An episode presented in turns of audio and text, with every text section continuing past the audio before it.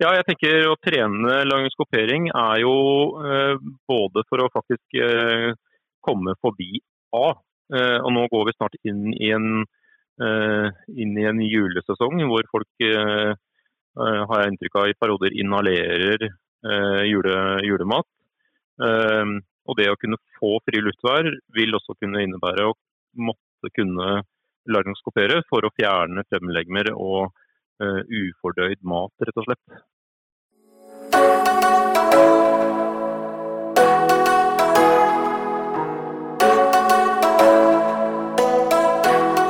Hei og velkommen til en ny episode av podkasten Du puster for fort.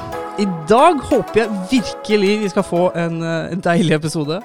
Eh, og håper denne episoden kan eh, skape en del refleksjoner og friske opp eh, minnet til kanskje flere.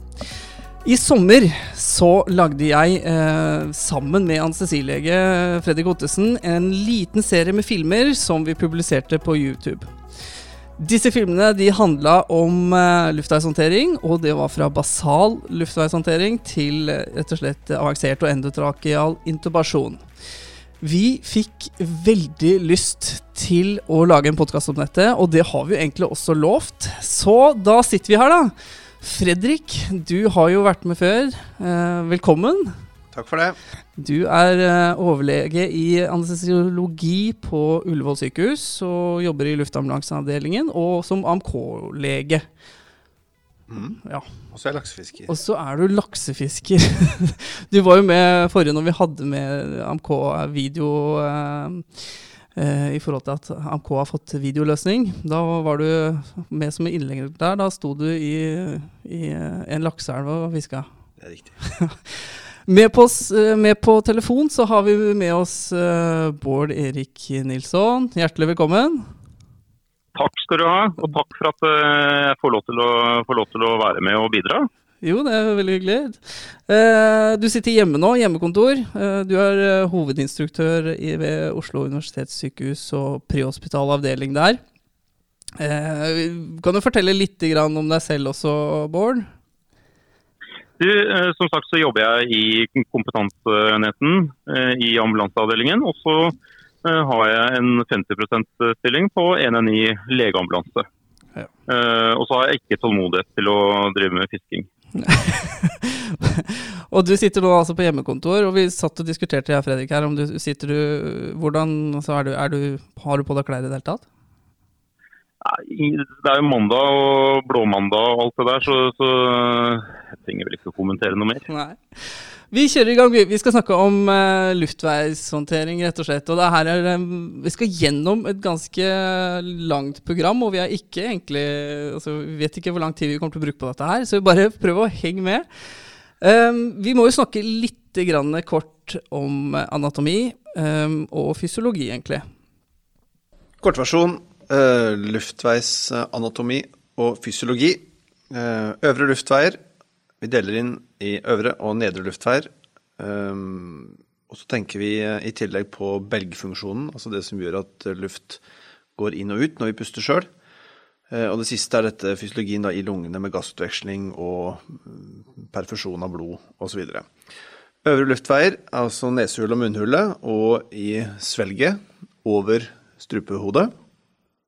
Eh, Nedre luftveier, da larynx, eh, luftrøret og ned eh, hvor dette luftrøret forgreiner seg og blir bronker, bronkioler og alveoler. Og det er der gassutvekslingen skjer. O2 går inn da i blod som sitter i små kapillærer i eh, alveoleveggen og eh, fester seg til hemoglobin, mens CO2 definerer andre veien og går ut fra blodbanen ut i alveolene og pustes ut.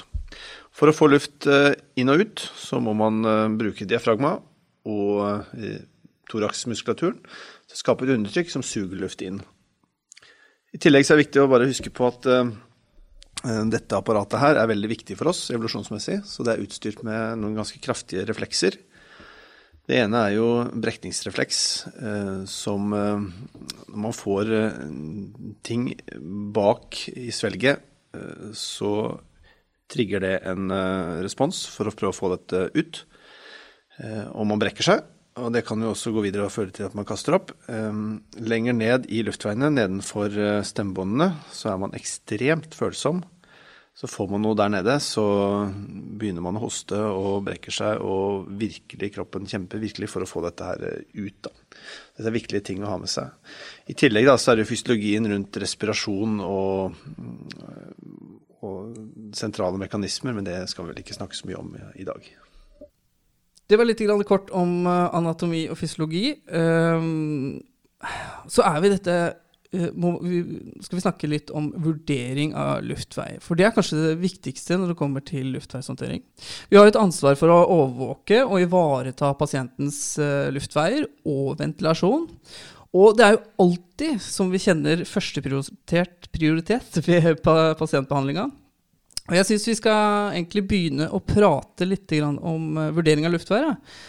Uh, for hovedpoenget her må jo være det å ha uh, et bevisst forhold til luft, luftveier. Og det gjelder jo alle pasienter. Og det er jo enkelte anatomiske forhold som gjør at det kan bli vanskelig luftveier, rett og slett. Fredrik, hva, gjør du når du skal vurdere luftveier til, til pasienten? Jeg tror det viktigste er at man er litt observant eh, og litt frampå. Eh, og tenker gjennom litt aktivt eh, luftveiene til den pasienten man har foran seg. Ikke fordi man nødvendigvis kommer til å bruke noen remedier på disse luftveiene, men det kan veldig fort bli behov for det. Og det å øve seg i å gjøre de vurderingene er veldig smart, for etter hvert da så vil man gjøre det på kortere og kortere tid med mindre og mindre bruk av mental kapasitet. Og det er jo viktig. Poenget her er jo å luke ut de hvor det lukter trøbbel, hvis man må drive med luftveishåndtering. Og det, Ofte er det veldig tydelig, andre ganger så er, må man bort til pasienten og titte inn i munnen blant annet, og se. Og så er det et helhetsbilde hvor vanskelig dette kan bli, hvis man skulle havne der. Mm. For det handler jo om å være frampå hele tiden. Uh, Bård, hva slags jeg er, veldig, jeg, er veldig, jeg er veldig enig i, i Fredrik her, altså. Og det, som er litt viktig, er jo å tenke at eh, Og som jeg også husker fra uh, når jeg begynte i dette yrket, er at jeg opplevde nyansene som mye mindre enn det jeg hadde forestilt meg. Ifra de pasientene som vi veldig ofte er eksponert for, det er jo kanskje de lungesyke, så er nyansene på en, en akseptabel klinikk til en forverra klinikk er ganske, er ganske, mye mindre enn jeg trodde. Og så er det å lære seg de Eh, det, det opparbeide det kliniske blikket overfor å kunne vurdere den luftveien som, som, eh, som Fredrik, eh, Fredrik, sier. Da. Mm. Og det går jo rett og slett på, når man sitter eller står der med pasienten, å se hva rent fysisk kan bli en utfordring. Det er det ene. Det andre er hva kan bli en ventilasjonsmessig utfordring. Og det siste er jo hva man gjør hvis pasienten blir akutt dårligere, rent teknisk, å ha det inne. Eh, men hvis vi begynner på det første, det er klart, eh, man, klarer man ikke å gape og åpne munnen, eh, har man en nakke som er dønn stiv, eller man har en økt muskeltonus med noe spasmer eller noe sånt noe, som gjør at ikke du får bevega nakken, så sier det seg sjøl at hvis dette blir behov for luftveishåndtering, så kan det bli vanskelig. Andre ting er jo skjegg eller anatomiske ting. Syndromer, øh, misdannelser øh, og for så vidt skader øh, i ansiktet eller luftveiene. Så det er en del ting man kan Altså det er jo en del ting man kan vurdere allerede fra fra en, en våken pasient, og hvordan anatomien ser ut, hvordan du er Altså om du er fedme og, og sånne type ting. Da, og skjegg. Ja, det går an å lage en, en kjapp liten regle for seg sjøl. Det er jo ikke noe fasit på dette her. Men altså, klarer man å gape, lukke opp munnen? klarer du å bevege nakken? har du veldig mye skjegg og hår i ansiktet, så kan det være et problem å maskeventilere. Eh, har du en veldig stor kropp, for å kalle det det, så kan det bli problemer med ventilasjon. Eh, så må man jo se da på situasjonen. Hvis pasienten er, eh, kaster opp eller har åpenbare skader, så må man jo også tenke på det. Mm. tannstatus. Det er jo kanskje fort å, fort å glemme med, med, eldre pasienter. Ja. Poenget her er jo å gjøre seg opp en kjapp mening i å legge en plan. da. Hvis jeg havner der at jeg må gjøre, hjelpe denne pasienten å puste, er det noe her som tilsier at dette blir vanskelig? Og i så fall, hva gjør jeg med det? Og det kan være så enkelt som at en um, person ikke kan gape mer enn uh, halvannen centimeter, uh, og er veldig stor i kroppen og har en stiv nakke. Uh, hvis den pasienten er i trøbbel respiratorisk, så kan det være lurt å be om hjelp allerede da. Mest med tanke på at dette kan bli vrient. Um, er det en veldig kvalm pasient, så kan det være greit å ha et sug med seg, selv om ikke nødvendigvis um, initial melding går på at det kan bli behov for det. Um, rett og slett for å kunne rense luftveien hvis det blir et problem. Så får man jo ta det derfra. Men det er klart Hovedproblemet til pasienten må jo tas tak i først. Men det er noe med å bruke fire sekunder på å skaffe seg et inntrykk av byr disse luftveiene på noen problemer hvis jeg må håndtere dem. Mm. Dvs. Si hjelpe pasienten med å puste og det er jo egentlig noe jeg har uh, begynt med i, i, i, kanskje senere tid, fordi at man har eh, opparbeida seg noe erfaring på at uh, vet du hva, denne, denne, luftveien her var vanskelig, og det burde jeg kanskje sett enda, enda før. Uh, Bård, um, ja. hva tenker du i forhold til luftveishåndtering? Har du noen erfaringer, eller hva, hva, på en måte tenker du, hva tenker du når det kommer fram til pasienten? Hva er viktig for deg? i forhold til vurderingen? Nei, Det er denne, denne raske, objektive vurderingen eh, med de punktene som, som Fredrik eh, nevner. Og så er det sånn at eh, eh dette er jo noe som eh, til en viss grad bygges opp eh, under å se mange pasienter. Og kunne knytte det til en form for, form for erfaringsbank. og knytte det opp imot det som er basic eh, anatomiforståelse. Og så er det sånn at grunnen til at vi er i situasjonen, er jo at et eller annet er galt med pasienten. Og, og, da må man gjerne knytte det sammen med den situasjonen. Og så kunne man klare å kanskje se for seg hva er det som kan gå galt, og hvordan kan vi korrigere det. Og, og dette er jo eh, allerede prioritert, og luftveiene går foran alt. Eh, så, så dette, dette, må ligge langt fremme. Eh, og forandringer kan, kan skje fort. Så hjelpemidlene må også være, være tilgjengelige. da. Nå har vi for så vidt snakket litt om det, kanskje ikke dette er et problem ennå, men la oss si du kommer til en pasient hvor du må være litt kjapt ute med å assistere eller håndtere luftveiene på. Så er det klart, en del ting kan uh, du gjøre noe med, en, andre, en, del andre ting kan du ikke gjøre noe med. Det er ikke så lett å knekke opp en kjeve som er vanskelig å åpne. Det er ikke så lett å, på en vektere pasient med en veldig stiv nakke å få skaffe seg god nakkebevegelighet. Men det er en del ting du kan gjøre, og det Vi kommer litt tilbake til det, men f.eks. leiring. Helt flatt med en bøyd haka mot brystet.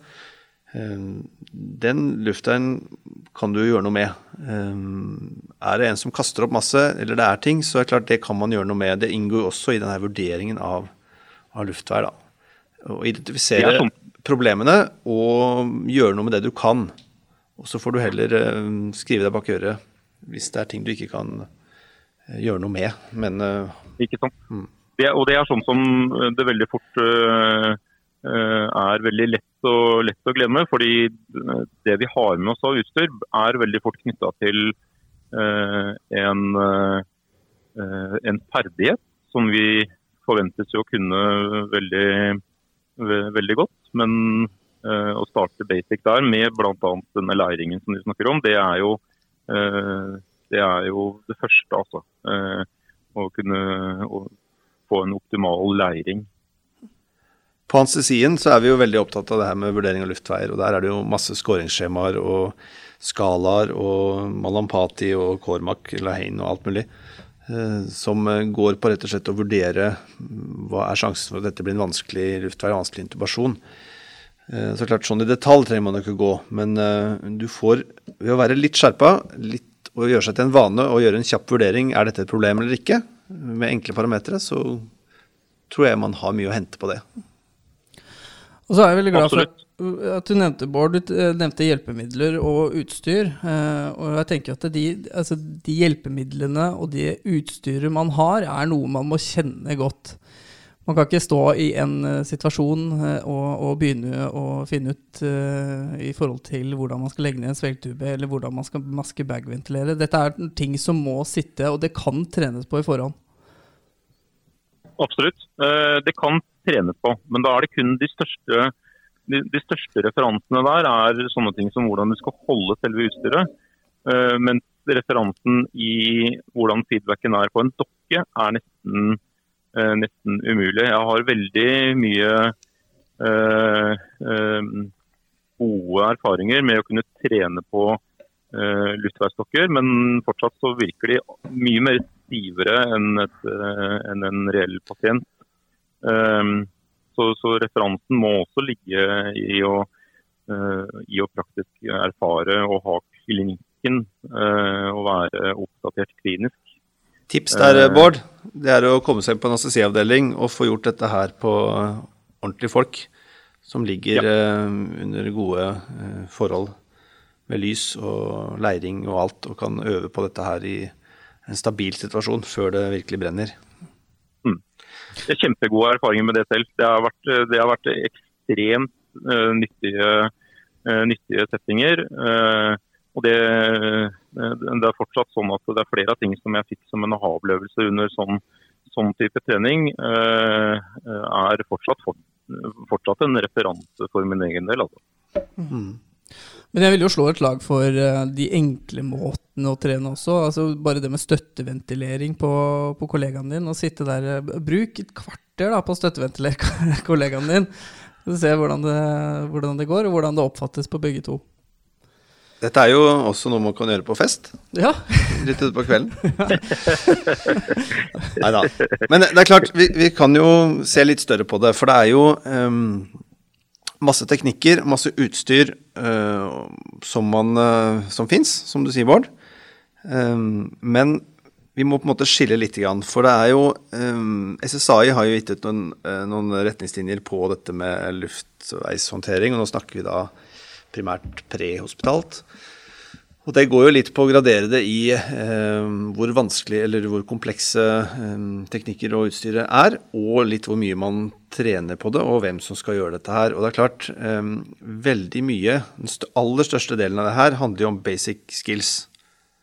Det handler om helt enkle ting. Det handler om å kunne leire en pasient, det handler om å kunne legge inn en svegtube, Det handler om å kunne maskeventilere en pasient.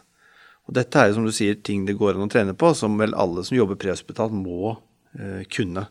Det gjelder både teknikken, og det gjelder jo eh, hvor utstyret er. Det gjelder hvor utstyr, hvordan utstyret fungerer, og hvordan man gjør det.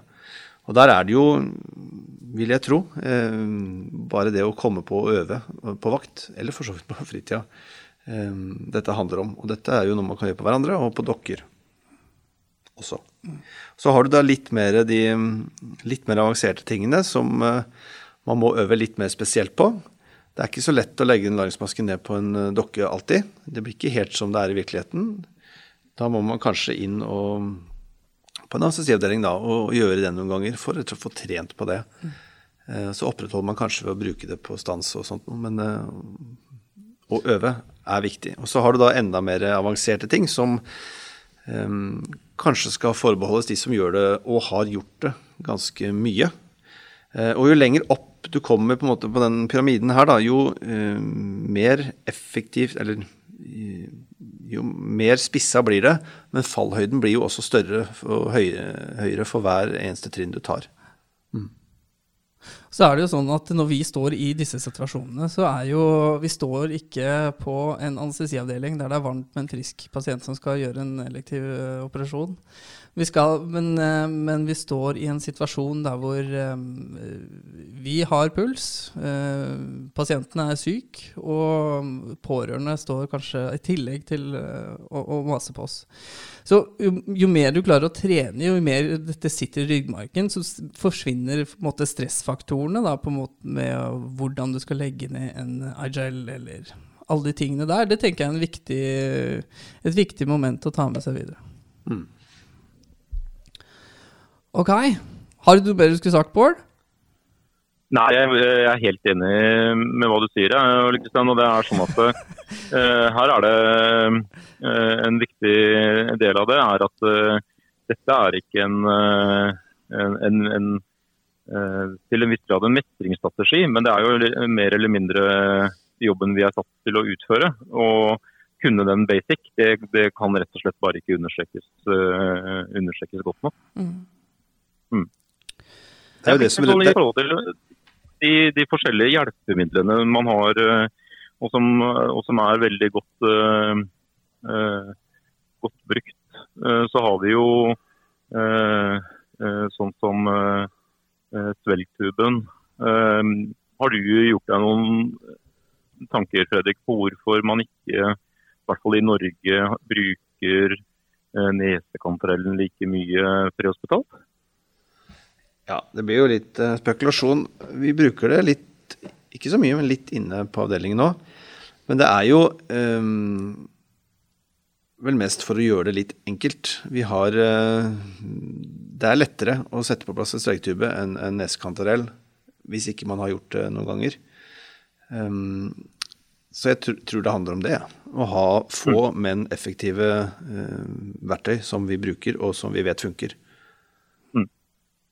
Nå har ikke jeg noe tall på det, da, men eh, min, min, egen erfaring er at hvis jeg har feilbedømt, eller eh, pasienten eh, er mer våken enn jeg har trodd, eh, så er det jo ikke eh, så veldig praktisk med en svelgtube. For det kan jo selvfølgelig fremkalle eh, brekninger og en mulig aspirasjon.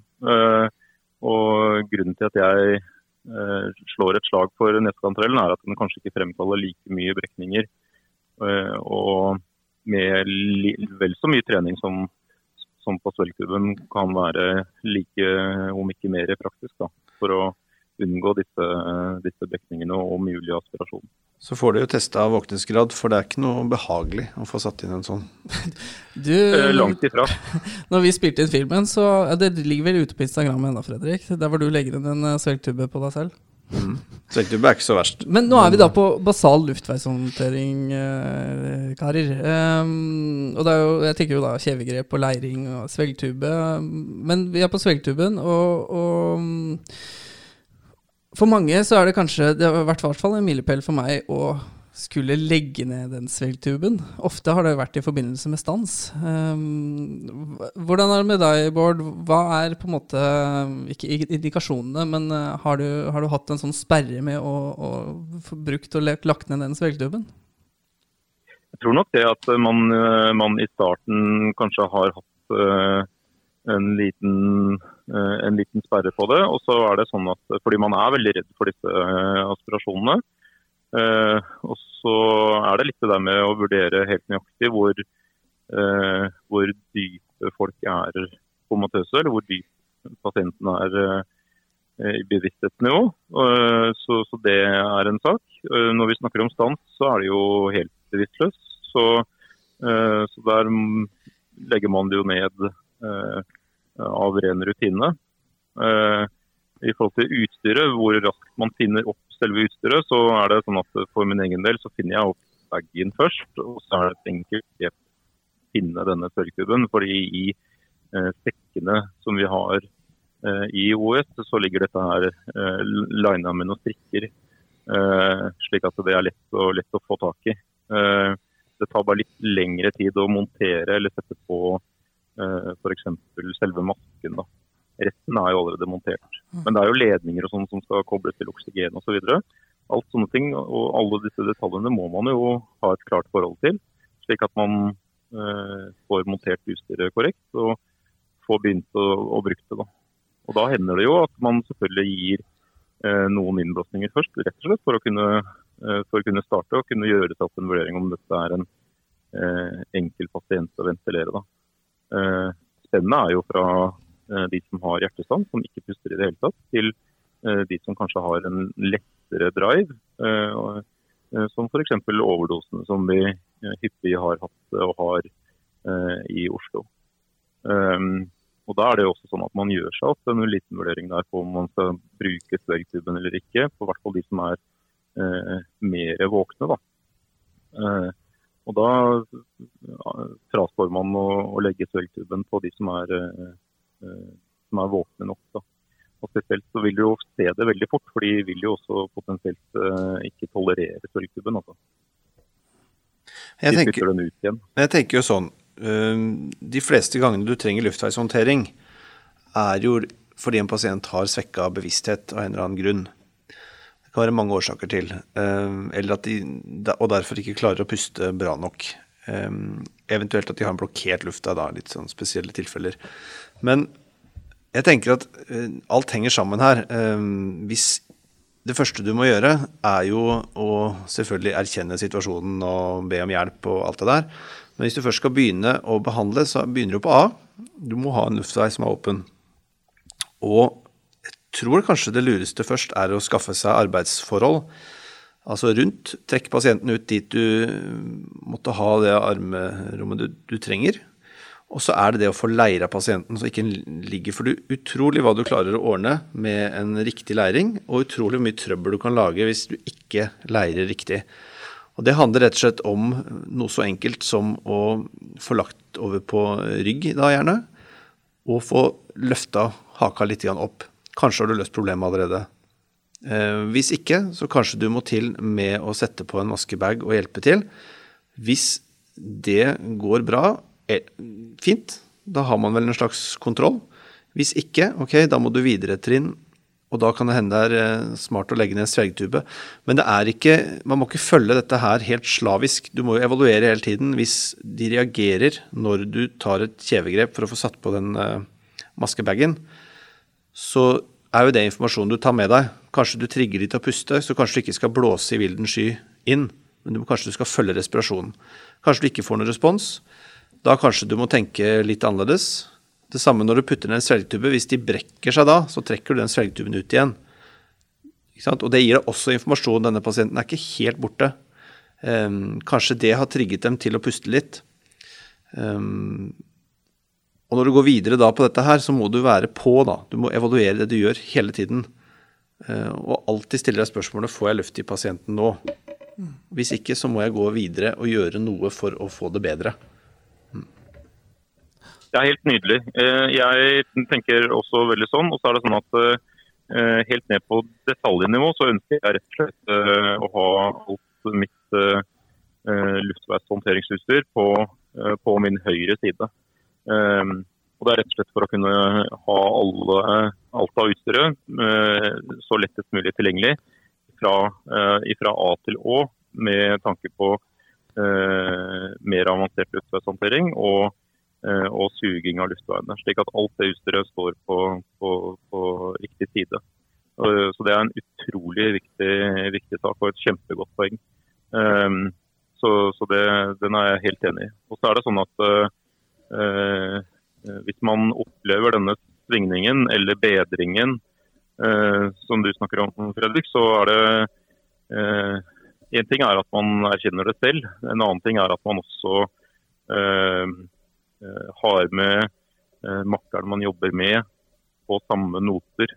Slik at personen også allerede det jeg eh, gjør noen eh, Eh, innblåsninger med maskebag, så kan jeg f.eks. For forklare at det her kjennes ikke ut som at jeg får noe luft, eller det er helt, eh, det er helt tett. Eller at, eh, eller at, jeg kjenner at jeg klarer å puste og støtteventilere og, og, og ventilere i takt med, med, pasienten. At jeg også sier det høyt. Det, det kan liksom ikke uh, understrekes godt nok. Det der med å kunne, uh, å kunne opprettholde god kommunikasjon, slik at den personen som ikke uh, har hendene på bagen eller ser hva som skjer. Som også skal hjelpe deg videre med å finne neste, neste av utstyr. at, at man også er samkjørt der også. Så moralen da blir egentlig um, Når du kommer til en du skjønner du må um, kan være risiko for at du må håndtere luftvernet til, så ha et bevisst forhold til hva du skal se etter for å luke ut problemer. Øv og kjenn eh, utstyret ditt som du har i din tjeneste. Um, og vær på og evaluer de tiltakene du gjør. Ha en plan, og be om hjelp tidlig. Det blir jo liksom kjernen av det kanskje det vi har snakka om hittil. Ja. Bra. Vi, eh, vi har jo nevnt det, men eh, en av de tingene som eh, virkelig har fått Som jeg har fått øynene opp for, er jo på en måte det med, med leiring og sniffing position. Det, mm, vi kan snakke litt om litt grann om det, for det var jo I videoene så har vi jo mm, Det har vært eh, et moment der med, med bare leiring, rett og slett. Og, og, Fredrik, hvor mye på en måte har leiring å si for, for Når vi snakker om uh, luftveishåndtering, og så handler det om ventilasjon, og så handler det om uh, perfusjon. Um, kan du ikke si litt om eh, hvor mye betydning faktisk leiring har for eh, pasienten? Ja, jeg tror du skal hekte på ikke bare ventilasjon og perfusjon, men jeg tror du skal hekte på luftvei også. Ja. For det å leire eh, gjør jo noe med alle tingene. Um, som vi var inne på i stad, hvis du leirer en pasient uh, med enkle grep relativt uh, så godt du kan, så åpner du ofte luftveien. eh, Du får mye gratis. Så selve håndteringen av å sikre den luftveien og få luft eh, inn og ut, det kommer til å bli bedre. Det andre er ventilasjonsmessig. Um, igjen, luft lettere inn og ut. Men også du gjør jo noe med lungevevet. F.eks. å sette opp pasienten, heve hodeenden på båra lite grann. Um, spørs jo veldig hva som feiler pasienten, men en pasient med lung, lungene full av væske, f.eks. et lungeødem eller en pneumoni, um, vil um, ved å sitte bedre ventilasjonsforholdene i lungene. Um, Det blir at det trengs mindre trykk for å få åpna alveolene, og de blir bedre ventilert. Og du får drenert ut puss og væske, og bedrer da ventilasjonen. I tillegg så via masse mekanismer så vil jo også eh, sirkulasjonen opp mot de lungene avsnittene du får ventilert bedre, vil jo endre seg. Så du får en bedring av eh, ventilasjon i forhold til sirkulasjon. Det kalles en VQ-match. da. V er ventilasjon, og Q er perfusjonen. Så mm, hvis det er mye mm, Det er sjelden feil å heve hodeenden litt, sette seg opp. Eh, eneste man må tenke på, er hvis blodtrykket er lavt og eh, man, eller man har en hodeskade, eh, så må man tenke seg litt om ved å sette altfor høyt opp, for det skal jo en viss perfusjon opp til hodet. Helst. Og, og hvilke pasienter kan det virkelig lønne seg å Lønne seg å bare heve hodeenden da, for å redusere det trykket som eh, kommer underfra? Nei, det er jo altså Det som faktisk skjer, altså, bortsett fra at lungene endrer litt karakter, er jo det at du fjerner jo ved å løfte litt på overkroppen og leire ordentlig, så fjerner du en del av buktrykket. For maven er jo eh, Om ikke helt i et lukka rom, så er det jo et eh, compartment som gir trykk oppover, opp diafragma, og jo større den maven er, eh, jo mer flatt man ligger, og ekstremvarianten av å ligge med hodet ned, så vil det bli enda Tyngdekraften virker. Um, og den kan vi prøve å motvirke ved å da dempe presset på lungene. F.eks. ved å sette opp. Så det er mange gode grunner til å leire ordentlig. Og um, det vil jo gi bedre oksygenering eh, i forhold til perfusjon. Det vil gi lettere å sikre den eh, luftveien, at den er åpen. Um, og det vil bli lettere, for du trenger mindre trykk når du skal dytte den eh, lufta inn og ut. Da.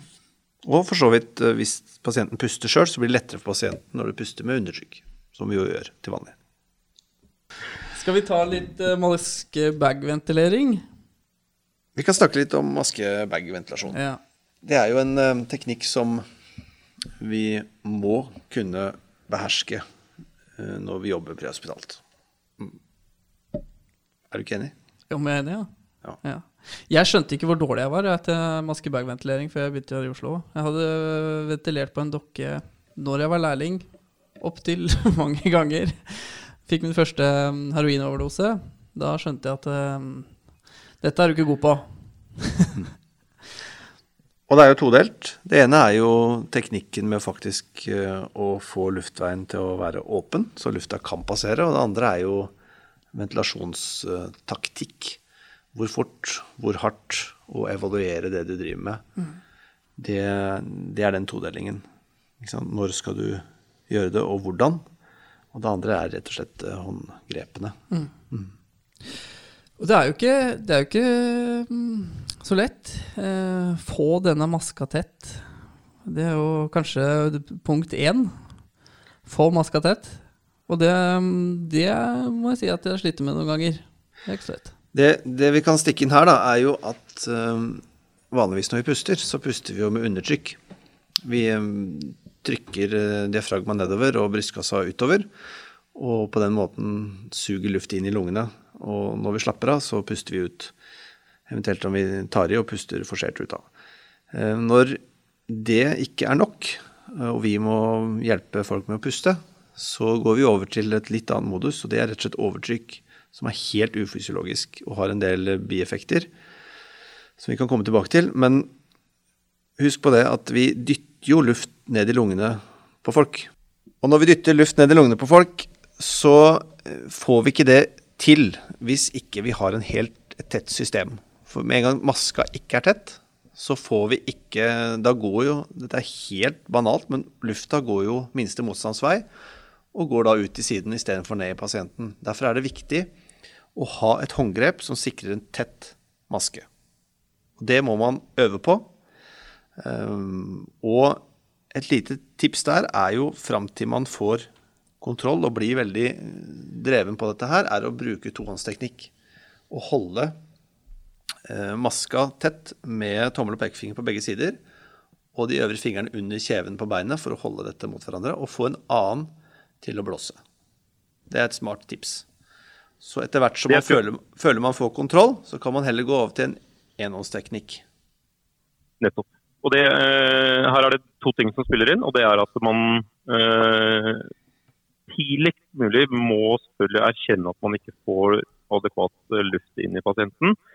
Og så er det det at um, her opplever jeg selv at vi i uh, ambulansetjenestesammenheng har opplevd hyppige utskiftinger og kanskje ikke det mest optimale utstyret.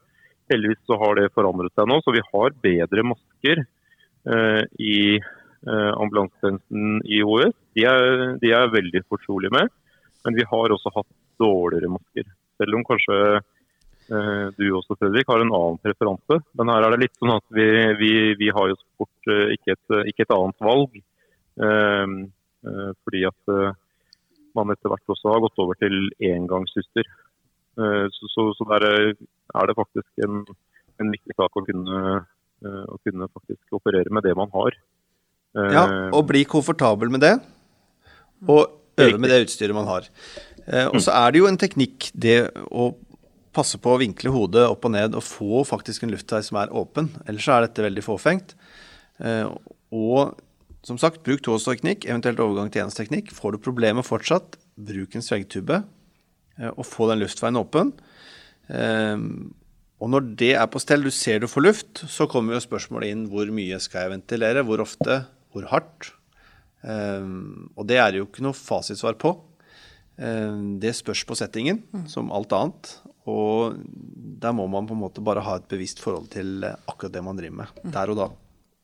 Så ikke, hvis, du, altså opptimert da, hvis du ikke får til luftveien, så prøv å endre et eller annet. Bare endre på stilling, forsøk Jeg vil si leire først. Ja. Og så prøve, hvis ikke pasienten puster bra nok, så må man uh, hjelpe til. Mm. Og bare uh, det å endre hodestilling kan, kan hjelpe? Absolutt. Uh, og endre litt på læringen. Kanskje var det bare en liten vinkel på hodet mm. i en eller annen retning som uh, utgjør den store forskjellen. Um, og prøv å evaluere det du gjør underveis. Og evaluer det høyt, slik at uh, igjen så, er, så, jobber man i et team som, som, virkelig er i punkt i et menneskelivs største krise. Og hvis man ikke her klarer å koble eh, det alvoret opp imot at eh, her kan det også være en fordel å være to hoder versus ett hode som ikke forstår eller ikke ser, eller til og med kanskje ikke erkjenner situasjonen man står oppi, så er det en, en, viktig, en viktig sak. Absolutt. Og dette vi er fortsatt på A og B, så det er veldig viktige ting vi driver med nå. Og får man det ikke til, så er det viktig å kommunisere det som du sier, og få hjelp til det. For det er noe som må på plass aller først. Og så syns jeg vi skal snakke litt om eh, risikofaktorer da, ved maskebagventilering. Det er ikke uten risiko. Nei, det er ikke uten risiko. Eh, men når vi velger å gjøre det, så betyr det at risikoen ved å maskebagventilere er lavere enn å la være. Mm. Eh, det er klart Tar du i for hardt, så går en del av lufta ned i maven. Og en mave som fylles, den vil etter hvert tømmes. Og det er eh, for så vidt to veier ut, en nedover, en oppover. Men det er jo veien oppover som er farlig. Fordi um, det som kommer opp, kan også gå ned i lungene. Og da har man gjort uh, Da har man en situasjon som er mye vanskeligere for pasienten enn det var i utgangspunktet.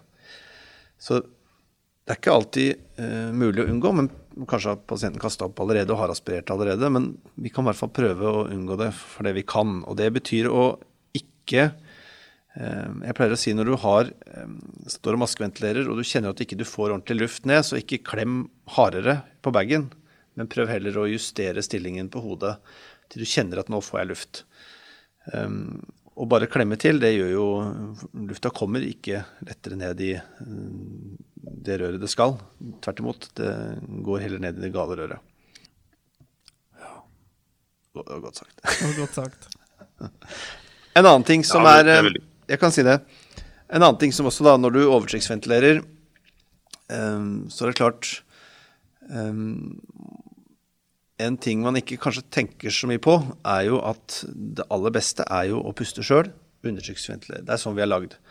Um, av og til må vi til, men vi skal jo ikke gjøre noe vi ikke må. For det har jo også en, Når det øker trykket i thorax, så gjør det noe med sirkulasjonen, faktisk. Eh, du skviser blod eh, ut av thoraxhulen, eh, som gjør at venøs return til hjertet blir lavere. Og er du da i en sjokktilstand, så kan det gjøre at kardiogapet går drastisk ned.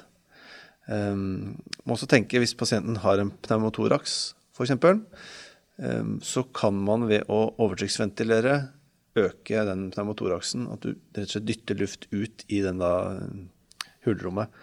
Eh, men det er klart, eh, dette må man jo tenke på. Og de gangene vi velger å starte maskebergventilering, så er det jo fordi pasienten ikke puster bra nok. Men vi skal ha en god grunn til å gjøre det. Det skal vi. Men hvor mye klarer man å få til det da med en uh, maskebag uten pipventil? Jeg skjønner på når du har endotrakealt intubert pasienten, men hvor mye overtrykk klarer du eh, sånn at det forandres fysiologisk med maskebagventilering? Det spørs jo helt hvor ustabil pasienten er. Eh, noen få centimeter vann i pip jo, kan jo ha eh, nok å si. Eh, heldigvis da, så er vi jo i en situasjon hvor vi må gjøre dette her. Mm. Men det betyr jo ikke at vi ikke skal tenke på det. Ikke sant? Ja, ha det i bakhuet. Mm. Ja. Så må vi huske der også at eh, noe av det utstyret som vi bruker, er faktisk også eh, så eh, forskjellig konstruert at eh, eh, for å kunne få høyere grad av oksygen på maska, eh, kreves det at man også har på en pipventil. Så Det gjelder å kunne detaljene rundt hvor mye oksygen en maskebag av den varianten eller av det merket og den modellen man Eh, man har i, til rådighet. Men, eh, men, at det også kan kreve flere komponenter for å få høyere oksygenkonsentrasjon. Men eh, en kort, kort sak, hva er en pipventil? Spør du, spør du Bård? Jeg spør høyt. Skal vi si en, et ord om det? Du lagde et sånt pipkurs, Bård? Hva er pip? Pipkurs, ja. øh, men det var. Det er, no, det er noe helt annet. det var noe helt annet, ja. Nei, men, ja, men, vi kan jo ta en liten Fordi, sløyfe om det, i og med at vi nevner det, kanskje? For de fleste ambulansetjenester altså de som har ikke en pipventil. Nei. Nei. Skal vi kanskje ikke si noe om det? Jo, vi kan godt si noe om det, hvis det, hvis det, er noen som har lyst til å si noe om det. Ja, jeg, kan... jeg, kan... ikke formulere meg på Men uh, vær så god. Vi kan jo si litt om, siden du nevner pipventil, hva pipventil gjør, og hva pip er for noe. Pip, altså PEEP, e er jo positivt endeekspiratorisk pressure, eller trykk. Eh, og det er rett og slett et trykk som eh, er der ved slutten av ekspirasjonen i luftveiene for å holde, gjør at luftveiene holdes mer åpne. Og derfor eh, har mer sjanse for gassutveksling i alveolene. Så sånn sett så øker det oksygeneringen til pasienten ved å øke muligheten for oksygen til å komme inn i alveolene og over i blodet. Og mange anestesimaskiner har jo dette innebygd. Eh, og når vi ute kan sette på en liten eh, det vi kaller pipventil, som er en, en motstand, som vi setter på systemet vårt, så puster pasienten ut. Så vil den puste mot en motstand som vil til en viss grad holde luftveiene litt åpne. Det er veldig mye lettere når pasienten er intubert, eh, men kan også være virksomt når pasienten støtteventileres med maskebag. Og Det har jo vært et tema i forhold til pipventil og disse, disse covid-pasientene nå rundt om. Men jeg tror vi går videre. Skal vi gjøre det Er du, er du der, Bård, ennå? Ja. ja. Bra. Um, Supraglottisk luftveisutstyr, det er jo De fleste, alle ambulansetjenester har det um, på en eller annen måte. Jeg tror det er kanskje iGel som er mest brukt nå, men det er jo kanskje noen tjenester som har fortsatt denne LTS-en. Men jeg tror vi tar snakker litt om uh, iGelen. Uh, hva slags forhold har du til uh, iGelen, uh, Bård? Um, Forholdet er vel at det er eh, et, eh, et, et av hjelpemidlene. Og så er det sånn at den, den, kommer med et, et, ferdig sett. Så, så, utstyret i seg selv ligger lett tilgjengelig. Og så er det sånn at her også, som vi har nevnt tidligere nå, så er det utrolig viktig å kunne disse, dette utstyret ordentlig. Altså. og her er det både på rent teknisk hvordan man gjør det klart, og så er det selvfølgelig hvordan man, eh, man legger den inn. Da. Eh, eh, min første erfaring med iGel husker jeg i form av at det følger med noen festebånd på disse tubene. Og i min oppfattelse så trodde jeg kanskje at denne tuven skulle festes veldig hardt, med det resultatet at man veldig lett kan dytte den for langt ned. Da. Eh, så den skal sitte veldig mye lettere enn man tror. Eh, og så er det sånn Med iGel så er det sånn at produsenten selv sier at den er laget av et, eh, av et gel-lignende stoff, som gjør at den også vil kunne sette seg bedre til, eller forme seg bedre til. Har ikke så veldig godt inntrykk av at det, det skjer. Det kan være at man opplever det under helt kontrollerte former. Eh, men i de situasjonene jeg har brukt den, så opplever jeg veldig fort at eh, man kan eh, oppleve, oppleve lekkasjer. Og Det skal man også være klar over når man bruker sånt utstyr. at det, det vil si Baksidene med sånt utstyr er at bl.a. du får disse lekkasjene på iGelen. Så det er en side av det. Og så er det sånn at det er veldig fort gjort å i enten evakuering eller i kombinasjon med, eh, med kompresjoner, eh, alt avhengig av kroppsfasong og størrelse, eh, så, så, må man rett og slett sitte og holde, holde den tuben godt fast. Hvis ikke man, man fester den med enten bendelbånd eller, eller denne masken som er lagd for det. Da. Så det er, det er min, min, erfaring med, med iGel. Da. Så kan man også i forhold til den siste tanken der rundt, eh, rundt disse lekkasjene, er at uh, det først og fremst ikke, og uansett eh, heller ikke er noen god indikasjon på å gjøre kontinuerlige kompresjoner. Til og med med endotrakeal tube. tube. Så, så, er det i hvert fall enda vanskeligere med iGel, fordi lekkasjen kan bli så stor. Og du får ikke gitt så høye trykk Eh, du skal jo heller ikke gi høye trykk, men det er, det er overraskende lett å få disse lekkasjene på, på en superglattis device. Da. Og Produsenten sier jo sjøl at uh, oppfatter du lekkasje, så skal du prøve å endre maskestørrelsen, eller størrelsen på å gå opp. Uh, har, du, har, du, gjort det? Det har jeg faktisk ikke gjort. Eh, eh, Da, eh, da tenker jeg en, en, en man, man følger jo den prosedyren, men så langt kan jeg ikke se at jeg har hatt, hatt erfaringer med å gå opp i størrelse. Det har jeg ikke. Man kan jo si det at i min enkle verden, glad i å gjøre ting enkelt, dette er jo egentlig en maskebag som man har dytta ned, ned i halsen, i prinsippet, som ligger utapå larings. Og det er jo viktig å poengtere at det er ikke en definitiv luftvei. Det er ikke en som eh, nødvendigvis eh, sikrer deg i stor grad hvis det kommer masse oppkast opp. Eh, og øker du trykket, blåser du for hardt i den bagen, så vil det lekke. Det vet man. Og Ofte vil den lufta kanskje ikke gå opp, men kanskje gå ned i øsofagus. da. Så prinsipielt ganske likt med en maskebag og en måte å ventilere på. Ehm, men dette, er, altså, dette må også øves på. Dette er viktig å øve på, for det er ikke sånn at dette går ned av seg sjøl. man kan møte motstand. Det kan være noen Min erfaring er at noen laringser de egner seg ikke for en laringsmaske. Du får lekkasje omtrent uansett hva du gjør. Um, og en viss sånn tilpassing er det nok på denne argelene, men um, jeg tenker hvis du har masse lekkasje, så er det enten fordi du ventilerer for hardt, eller eh, så er det fordi eh, den ikke sitter ordentlig. Og da må du prøve å justere litt på læringa, eventuelt ta den opp og sette den ned igjen. Um, men så skal man også huske at selv om det lekker litt, så kan det godt hende at eh, mesteparten passerer riktig. Og det viktigste er jo å få luft til pasienten, tross alt. Og de gangene dette her kanskje blir mest brukt, er jo under HLR-situasjoner.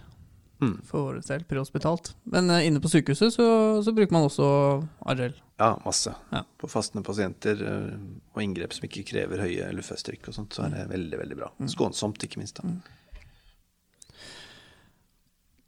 Ja. Mer om Det er viktig å understreke, understreke her at uh, ifra alle disse stegene som vi nå egentlig også beskriver som, som basale, så kan, eh, så kan man også bruke hjelpemidler for å kunne, for å kunne få hjelp til å vurdere hvor adekvate ventilasjonene blir. Eh, og Da tenker jeg spesielt på kapnografien. Eh, å kunne ha den på ifra eh, enten hvis man har nesegrimme eh, på eh, kapnografimåler, til at man eh, kobler den på som en sidetrimmer, eller eh, som f.eks. Eh, denne devicen som heter Emma, som har eh, en mainstream teknologi på kapnografi, hvordan man måler det i, rett i kretsen. Eh, at man har det med hele tiden. Det er en veldig god eh, måte å kunne vurdere, eh, vurdere. Da. Eh, og den kan også være med på å vurdere eh, om disse, disse ventilasjonene er, eh, er adekvate. Altså. Og kanskje det viktigste, hvis du får CO2 ut, så har den lufta du dytter ned, vært i lungene. Nettopp. Det er kjempepoeng. Jeg er veldig glad for at du tok opp uh, endetidal CO2 nå, for det har vi ikke prata om i det hele tatt. Vi har ikke snakka om monitorering i det hele tatt. Vi har snakka litt om å evaluere ting når du gjør fortløpende, men selvfølgelig tiltakene er viktigst. Men for å kunne evaluere hva du gjør, om det du gjør funker, så er du nødt til å støtte deg litt på eh, elektronikken. Kapnografi er én, men også SA-OTO, eller SP-OTO heter det egentlig, eh, er jo viktig eh, mål for å se her. eh, I tillegg til hjerterytme, kanskje spesielt hos små barn og sånt noe. Um, som evaluering av det du gjør med luftveiene. Om det virker, om det har noe effekt, eller som du gjør det på en annen måte. Nettopp. Så disse pasientene skal så klart monitoreres med det man har av tilgjengelig. Eh, når man har armer og bein nok til, til, eh, til å få lagt på monitoreringsutstyr. Og utfører du tiltak, så må du på en måte prøve å se effekten av det også. Det får du ved å monitorere pasienten. Når det gjelder ventilasjonsstrategi, det kan vi også nevne litt om, da. Eh, hvor fort, hvor hardt hvor, hvor ofte. Det er jo som alt mulig annet, det kommer an på problemet og den kliniske settingen. Men ofte er det jo eh, et problem at man eh, ikke puster adekvat sjøl. Og Svaret da blir jo at man må jo gjøre dette her så man eh, får nok oksygen inn i mm, pasienten. Ehm, det er stor forskjell på en hjertestans som skal normoventileres under HLR, til en septisk pasient eller en ketoacidose som egentlig trenger å ventileres mye hardere, også for å blåse av CO2. Uh, klart du tilfører jo oksygen, men uh, ventilasjon er jo både oksygen og, og inn og CO2 ut. Så det spørs veldig på, på settingen. Men målet må jo være, hvis man først tar over respirasjon De fleste har jo ikke ketoacidose eller sepsis nødvendigvis. Så blir det jo å tenke Skal i hvert fall ikke ventilere altfor hyppig, og i hvert fall ikke altfor hardt. Som sagt i stad, det hjelper ikke å trykke hardere nødvendigvis hvis du ikke får luft ned gjennom eh, øvre luftveier. Da må du justere på, på tingen. Men eh, normoventilasjon, det finnes jo tabeller på dette her. Eh, men en god huskeregel er når du ventilerer, hvis du ser brystkassa hever seg, så har du fått i nok. Det er egentlig en god, ganske god huskeregel. Mm. God indikasjon. Men, men, da er det akkurat idet den brystkassa hever seg, Fredrik, vil jeg påstå. Fordi du vil kanskje se det mer eh, altså midten av brystet, nesten nederst på sternum, opplever jeg at jeg ser gode ventilasjoner, mer enn at brystkassa hever seg veldig, veldig uttalt. Da. Ja. Og frekvens, som sagt, avhenger jo av uh, situasjonen. Men en, uh, rundt 12-15 er en fin, vanligvis en ganske fin uh, frekvens, da. F.eks. på en overdose eller der du trenger å få ned luft hvor driven er dårlig. Uten at behovet for å blåse av CO2 er veldig høyt. For voksne. Jeg pleier å si til de vi har hatt med som hospitanter at de skal puste like fort som de puster selv. Det har nok ikke like, godt, uh, like god tommelfingerregel. fordi veldig mange av disse hospitantene kan, nok, kan nok være mer, mer stressa av situasjonen. Så ender vi opp med en høyere, høyere frekvens enn det. Altså. ja. Kjenner igjen det der? Gjør det. Bra. Eh, jeg tror vi skal, vi skal begynne å avrunde ganske snart, for nå har vi, nå har vi prata Setter oss tre sammen, det, da kan det bli langt. Men det, det, er bare hyggelig. Det jeg håper at folk hører på dette. her Men jeg tenker at vi kan avslutte litt med Det skal ikke ta noe stort fokus, men jeg tenker at vi kan prate litt om eh, laryngoskopering og endotrakeal intubasjon. De fleste tjenester gjør ikke det her, men vi, lagt, vi tenker at um, det er viktig å kunne i hvert fall prinsippet prinsippene eh, å trene på laryngoskopering. Eh, hva tenker dere om det? Jo, jeg tror det, er, jeg tror det er viktig. Vil du si noe, Bård? Ja, jeg tenker Å trene laryngoskopering er jo eh, både for å faktisk eh, komme forbi A. Eh, og nå går vi snart inn i en, eh, inn i en julesesong hvor folk har jeg inntrykk av i perioder inhalerer jule, julemat. Eh, og det å kunne få fri luftvær vil også kunne innebære å måtte kunne lagringskopiere for å fjerne fremlegmer og eh, ufordøyd mat, rett og slett. Mm. Men det er igjen veldig viktig å understreke at dette er et tiltak som har eh, god effekt, men det har også en veldig stor fallhøyde. Og de viktigste tiltakene er, kan ikke sies så ofte, det er de basistingene. Med leiring, med maskebag, med svelgtube, eh, sug og eventuelt da superglottiske luftveisdevicer. Men av og til så kommer man ikke utenom å putte ned en tube. Enten det er fordi man ikke får luft i pasienten på annen måte, eller det er ekstremt viktig å ha en veldig nøye kontroll på dette her. Og, men dette må øves på. Vi har ganske mange historier hvor eh, personer, eh, det være seg leger eller erfaren eh, ambulansepersonell, som setter tuben i øsofagus. Og det er jo noe som skjer av og til. Men det kan ha veldig store konsekvenser hvis ikke det blir erkjent ganske tidlig. Da har du ikke gjort pasienten noe godt, faktisk. Du har gjort det verre enn det det var. Mm. Så det er viktig å øve på dette her. Eh, igjen, slå et slag for å komme på anestesiavdelinger og få trent på dette her i ro og mak med å finslippe teknikk. Men det handler jo om mengdetrening. Og det er ikke nok, mener jeg, å bare øve på stans. Man må øve på dette her mer enn det. Men det må det være systemer for rundt omkring i, i Norge for å få øvd på. Hvis man skal drive med det. Alternativet er jo ikke gjøre det, og holde seg til de supraglottiske. Men det De fleste, sys- Ja, vær så de fleste systemer har jo, har jo nå satte standarder på hvor ofte hvor mye man skal, eh, man skal trene. Eh, eh, og så er det viktig også å ta inn over seg at eh, som helsepersonell så er man jo også selvstendig eh, ansvarlig for å kunne holde seg, holde seg oppdatert. Like mye som eh, at eh, eh, alle prehospitale tjenester i Norge eh, legger jo til rette for å kunne opprettholde denne, denne ferdigheten og disse, disse ferdighetene. Men rent teknisk, da. Hvis man skal titte ned med et laryngoskop, så, så må man øve på det. Men det er noen ting som er greit å få med seg. Det ene er jo å, når man går inn med utstyret sitt, sjekk at faktisk det er lys. Veldig kjedelig å titte ned når du er pressa opp i et hjørne, og det er eneste utvei, og så virker ikke lyset. Så enkelt, men eh, forferdelig guffent. Um, Det andre er jo øv teknikk. Husk at eh, vi bruker stort sett bue og blader, eh, Macintosh-blader, og øve på å føre det ned uten å nødvendigvis lage mye skade, som igjen vil føre til blødninger, og du mister oversikten. Og prøve å få titta ned og prøve å visualisere dette her. Eh, Og når du først har laryngoskopet nede, så kan du jo også ha utstyret line up sånn at du får tak i magilstang, eventuelt den tuben du skal ha ned. Så ikke du må begynne å fikle med det da. For da mister du det innsynet. Det er helt garantert. Så um, igjen, øv på dette her. Uh, dere gir et visst inntrykk, uh, men levende folk er det aller beste.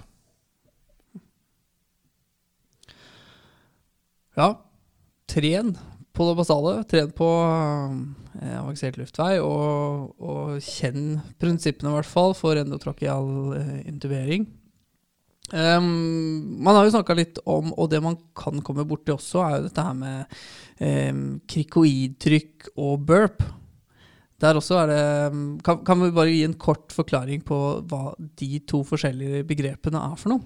Er det det samme, eller? eh? Krikoidtrykk er jo rett og slett trykk på krikoidbrusken, for å da i teorien eh, med et visst trykk trykke ned og klemme av isofagus. Burp er jo mer en eh, litt det samme, men der er poenget å få mer, bedre innsyn ved trykk da på med bakover, oppover osv. Um, det er den store forskjellen på de to. Um, min erfaring er hvis du først skal intubere, um, krikoidtrykk uh, brukes sjelden. Jeg syns ofte det gjør kanskje ting verre. Um, hvor godt dokumentert det er, kan diskuteres. Men det å eh, ha en medhjelper til å kunne legge hånda på halsen og manipulere litt på larynx eh, for å få innsynet best mulig, eh, det er lurt. Og da er det helt avhengig av kommunikasjonen dem imellom. Hvor den som da largoskoperer, gir helt klare ordre 'hold der'. Og kanskje til og med ta hånda di og, og holde på den, og så si 'hold der'. Så du holder en helt stabil situasjon mens jeg putter ned tuben eller fjerner fremmedlegemet med tanga, eller hva man gjør. Bård, du er jo eh, paramedic på, på legebilen her i Oslo. eh, og blir eh, da legens høyre hånd på- ute på, på mm, når det skal intuberes. Ja, Ja. eh, hva, hva tenker du er den viktigste rollen som, eh, til paramedicen dersom legen spør om hjelp? Jeg tror det er veldig viktig å hele tiden oppfordre til å, øh, å være øh, den som bidrar på å tenke, tenke høyt. Uh, og det gjelder uh, uh, uavhengig om jeg jobber med en lege eller en, en annen kollega. Jeg er en veldig sterk forkjemper av å kunne jobbe under det samme den samme situasjonsforståelsen. Eh, og det er en ting som, eh, som, som jeg har et inntrykk av og opplever selv eh, eh, i den tiden jeg har jobbet prehospitalt, at det også eh, jobbe under samme situasjonsforståelse er er en komplisert øvelse. Og når vi snakker om situasjonsforståelse, så snakker vi egentlig om at jeg og min makker har muligheten til, eller skal kunne predikere nærmeste fremtid. Det vil si at Hvis Fredrik sier til meg at, og visualiserer med å enten forklare hvordan det ser ut i luftveien, eller hvordan det føles når han ventilerer med, med maskebag. Eller eh, du forklarer meg Ole Kristian, at eh, jeg ser ingenting eh, når du skal prøve å få ut en fremlegme. Så er det, så er det en, den viktigste faktoren for å faktisk lykkes. På den måten så kan både Fredrik forklare tydelig hva han ser og ønsker at vi skal gjøre. Samtidig som at jeg allerede kan eh, visualisere meg eh, prosedyrene. Eh, og dermed så predikerer vi, fremtiden. Det er den måten som, som, vi jobber på, på, på legebilen, og som, som, vi fokuserer veldig på i forhold til å kunne jobbe sammen med, med, med andre ambulanser, som vi normalt sett kanskje ikke møter, møter ofte. Men, eh, men, hvor disse forholdene må, må være eh, premissleverandøren altså for, å, for, å, lykkes. Mye av samme ønskene, Fredrik? Ja, eh, enig. Jeg tenker litt på en tur vi hadde en gang, Bård. Eh, en av første gangene vi kjørte sammen. Vi var på vei til et veldig dårlig, lite barn. Um, vi vet jo selvfølgelig ikke hva som venter oss før vi er der, men vi får vel inntrykk av at dette er reelt og puster dårlig.